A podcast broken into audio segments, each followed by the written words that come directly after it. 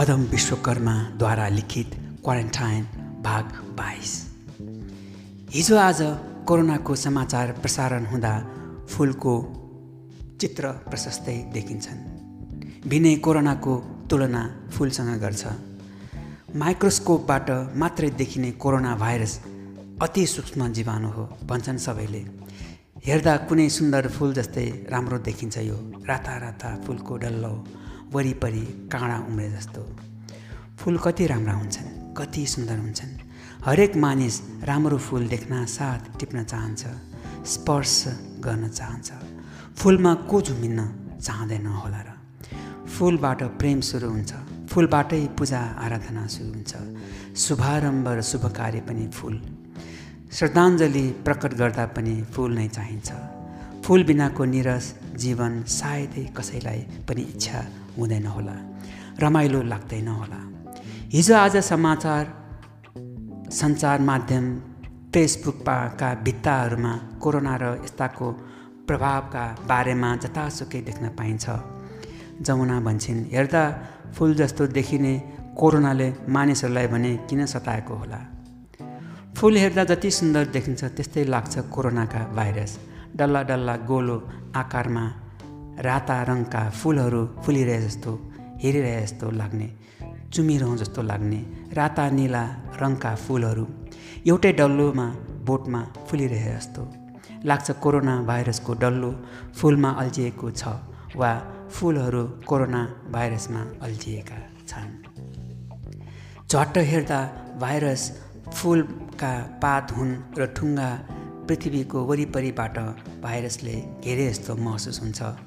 जसरी आज विश्वलाई नै घेरिरहेको छ यसैले पुरै भूगोल ढाकेको छ थपक्कै हरेक मुलुकलाई यसले शिकार बनाइसकेको छ जताततै त्रास फैलिरहेको छ।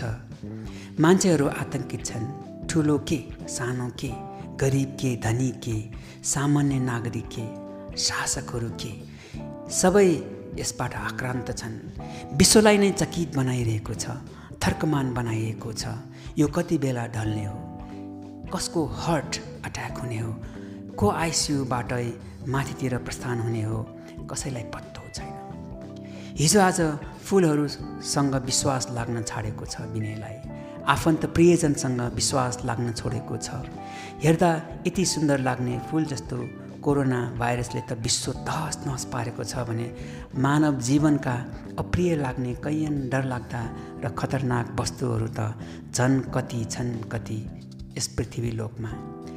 काँडा पन्छाउँदै फुलेर सौन्दर्यको प्रतीक फुल जस्तो प्रतीत हुने फुल त मानव सभ्यता र संस्कृतिका निमित्त विषालु बन्न सक्ने रहेछन्। काँडामा उम्रिएर हुर्केको फुल कति प्रिय हुन्छ? कति सुन्दर हुन्छ कति मनमोहक हुन्छ। सबै सबैको आँखामा टाँसिन्छ। टिपौँ टिपौँ लाग्छ चुमु चुमु लाग्छ। फुलले सहजै मान्छेको मन आकर्षित गर्छ। कसैले भनेका पनि छन् साना बच्चा र फुल देख्दा मन नरसाउने मान्छे स्वस्थ हुँदैन रे। थरीथरीका रङ्गी बिरङ्गी फुल आहा! ठाउँ अनुसारका फुल वातावरण र मौसम अनुसारका फुल मनै लोभ्याउने फुल तर कोरोना भाइरसका वरिपरि फुलिरहेका फुल भने नरसं संहार गर्ने ध्येयले हिँडिरहेको भान हुन्छ। यति राम्रो देखिने फुल पनि कसरी मानव सभ्यता र संस्कृति ध्वस्त बनाउन उन्मुक्त भएको होला? कसरी विश्व आतङ्कित पारिरहेको होला? अब त आफ्नै घर वरिपरि फुलिरहेका फुलहरूप्रति पनि मोहभङ्ग भएर विकृष्ण पैदा हुने हो कि भन्ने त्रास उसमा सिर्जना भएको छ।